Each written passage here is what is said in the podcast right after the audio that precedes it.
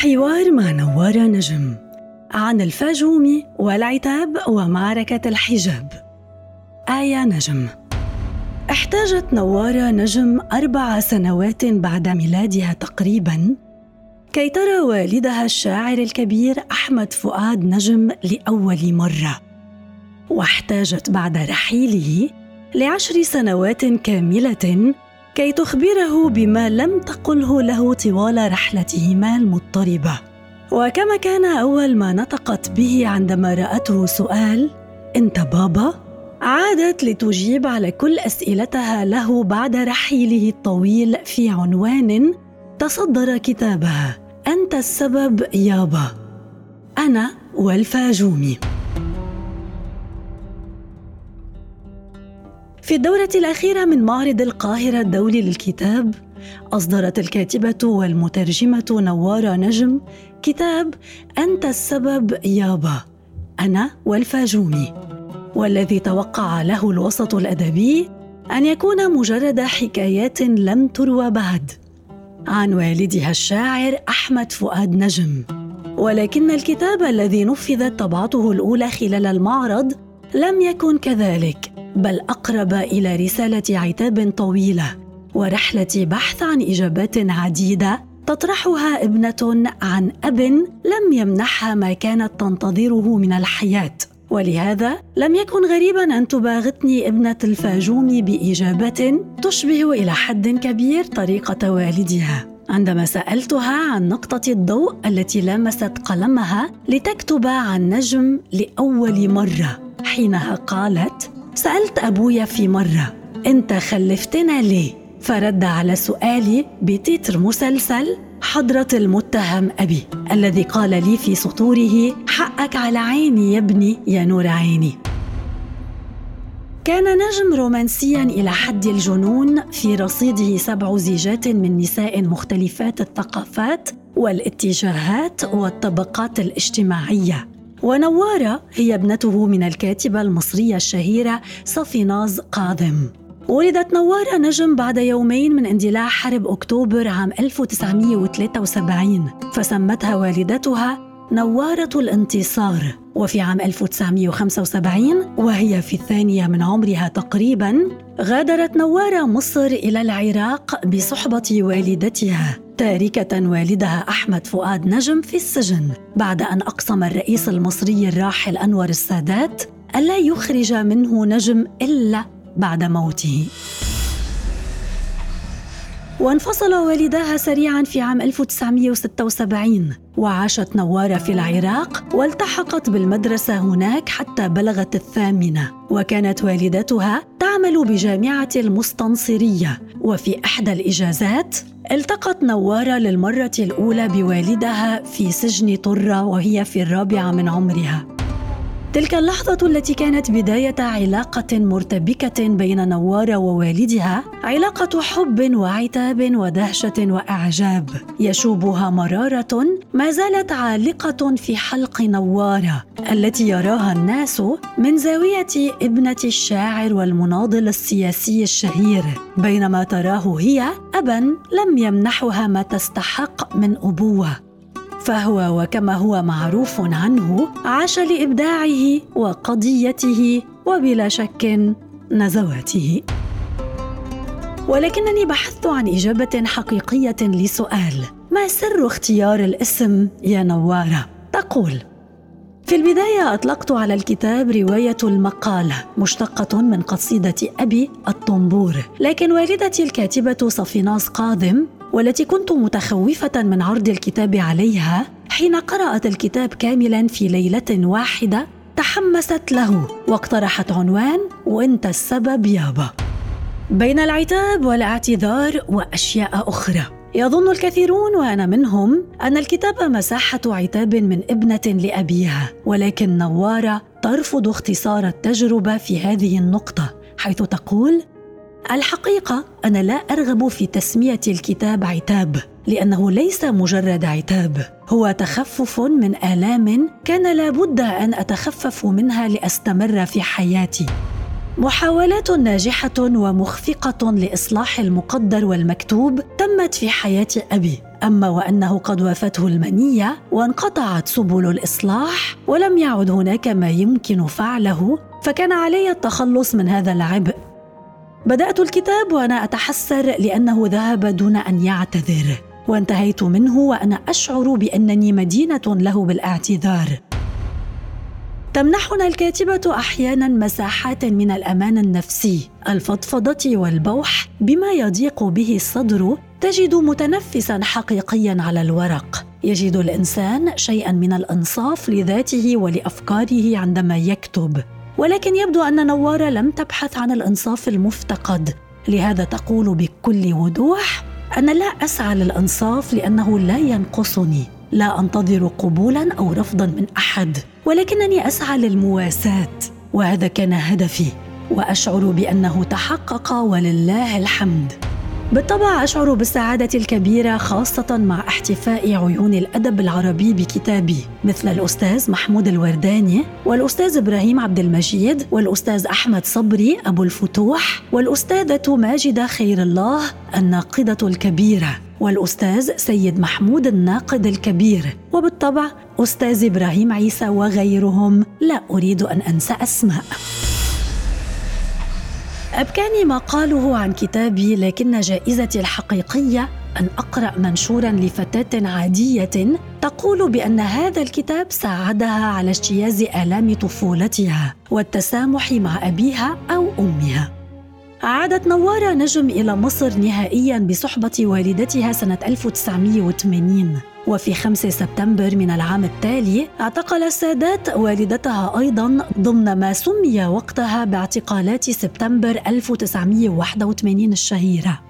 وكان اعتقال السادات لأبويها تباعا سببا من أسباب الموقف السلبي الذي ظلت نواره نجم تحمله تجاه السادات حتى اليوم. وكان جزءا مهما مما روته في سطور كتابها حول افتقادها لأبويها في لحظة هامة من عمرها. طفلة لم تكمل عامها العاشر. تجد والديها في السجن بأمر رئاسي بسبب آرائهما السياسية.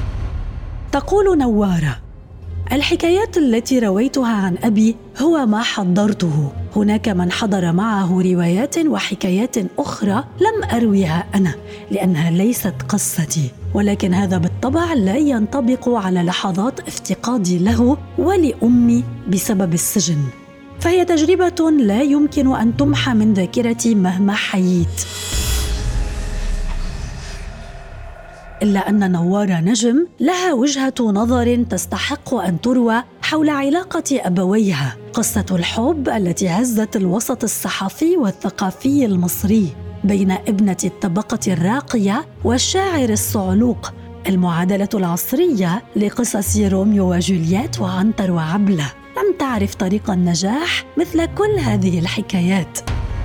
كثيرون كتبوا وتحدثوا عن أسباب الانفصال وعلى رأسهم نجم وصافي بشحمهما ولحمهما ولكن الاجابه نوارة الابنه تحمل تفاصيل أعمق. لو أن الزيجة بين أبي وأمي تمت في بلد آخر ووضع اجتماعي آخر وظرف سياسي آخر لاستمرت حتى آخر العمر. كما استمر حبهما واحترامهما لبعضهما البعض حتى آخر العمر. لكن الله غالب. الظرف الاجتماعي والسياسي لم يساعد الزيجة على الاستمرار. لكن أي ظرف مهما كان لم يتمكن من قطع المحبة والاحترام حتى النهاية. وأذكر هنا مقولة الشاعر نجيب سرور حيث بكى بعد علمه بخبر زواج نجم وصافي وقال ما تبنوش العش على الريح. تتابع حكايتها. بعد اعتقال أمي في فترة رضاعتي خرجت وهي تعاني من صدمة كبرى كأي أم في محلها. ومن ثم قررت أن تسافر إلى العراق لتهرب من هذه الصدمة ولتضمن أنها لن تعرض ابنتها للسجن مرة أخرى. ولتسد الديون الكثيرة التي كان ينفق جلها على الكفالات. لم يكن السفر خيار أبي لأنه اختار الاستمرار في معركته التي بدأها مع الاستبداد وثم تفككت أواصر العلاقة. شيء من الفقد كثير الإبداع. رغم كل الألم يرى البعض أن نوارة نجم محظوظة بكونها ابنة أحمد فؤاد نجم وصافيناز قادم ولهذا تنظر لمثل هذه الآراء بدهشة وترد لا أعتبر نفسي محظوظة ولا غير محظوظة. أمر الله غالب. لنوارة أختان من أبيها. الكبرى عفاف تكبرها بحوالي 18 عاما والصغرى زينب تصغرها بنفس العدد من السنوات. وتوفت عفاف بعد وفاة الفاجومي بعام أي في عام 2014 وتوفيت زينب في يناير العام الماضي.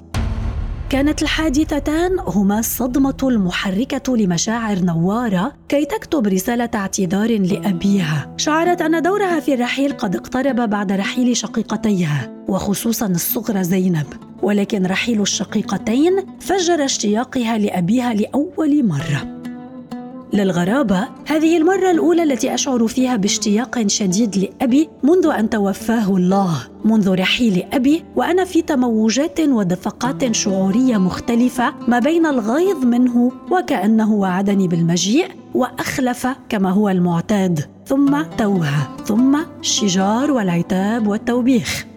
هذه هي المرة الوحيدة التي أشعر فيها بأنني أشتاق إلى أبي جدا وأفتقده. وكأنني بعد كتابة الكتاب أطلقت سراحه واستسلمت لفكرة رحيله. إذا كان الكتاب يحمل بين طياته أسرارا عن علاقة نجم وابنته ولكن نوارة نجم تحمل في جعبتها أسرارا لم تكتبها عن علاقة والدها بالشيخ إمام رفيق مشروعه الإبداعي وملحن ومغني قصائده الأشهر. والناس تسأل حتى الآن عن تفاصيل خلافهما الشهير. هنا تحكي نواره اللقط شاع جدا بشأن الشجار بين أبي وعم إمام لكنني أظن أنها نهاية طبيعية لرفقاء سجن وفقر. هذه كانت المرة الأولى التي يقابلا فيها العالم خارج مصر ويعرفا قيمتهما بعيدا عن السجن والتنكيل. النفس البشرية تتغير مع تغير الظروف. لا يمكن وصم الشيخ إمام بأنه باع القضية ولا يمكن وصم أبي كذلك بهذا الوصف. أظنه كان شجارا طفوليا وبالأخير أبي هو من غسل الشيخ إمام وهو من دفنه بيده وهو من وقف ليأخذ عزاءه واستطردت. علاقة نجم بالشيخ إمام معلنة ولخصها أبي. كنت عيني اللي بيشوف بيها وكان صوتي اللي بتكلم بيه.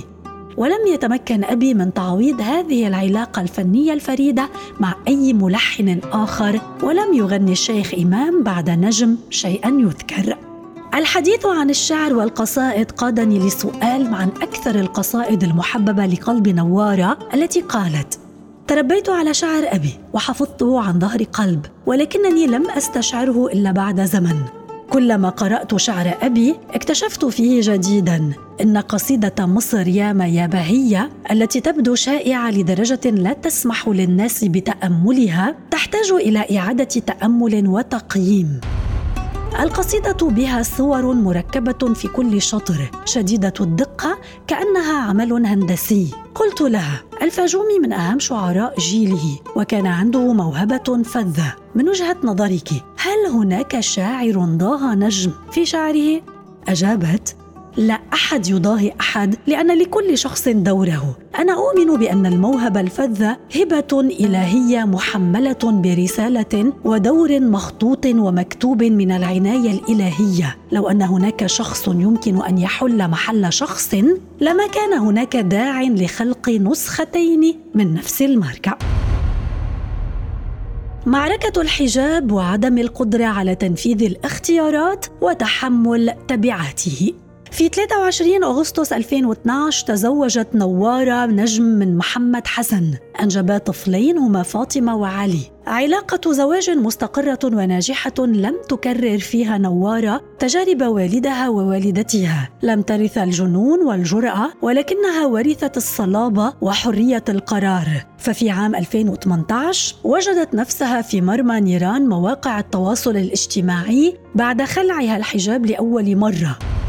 نالت الانتقادات القاسية والمتجاوزة من حياتها الشخصية وسيرتها وسمعتها.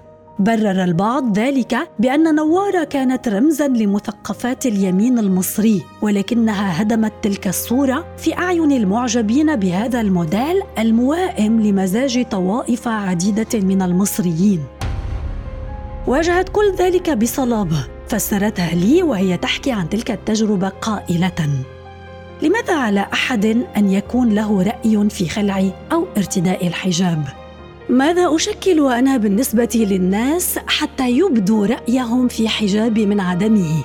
أنا كاتبه فهل أكتب بشعري أم بغطاء رأسي؟ أنا لست غاضبة من الآراء المهاجمة لخلع الحجاب. على العكس أشعر حيالهم بالشفقة خاصة الفتيات التي يتحدثن بوحشية عن امرأة مثلهن لمجرد أنها اختارت اختيارا ما يخص ملابسها هي. وقد أشرت في كتابي إلى أولئك النسوة التي قطعن حساباتهن الإلكترونية حين علمن أنني خلعت الحجاب سنة 2018 وذكرت أنهن بائسات. أنا أعلم أنهن لا يتمتعن بالقدر الأدنى من الحرية. وهذا تحديدا ما يدفعهن للهجوم علي لأنني اتخذت خطوة لا يقدرنهن على تحمل تبعاتها. ولو أن الحجاب كان اختيارهن الحر لما هاجمن أي امرأة أخرى اختارت اختيارا آخر.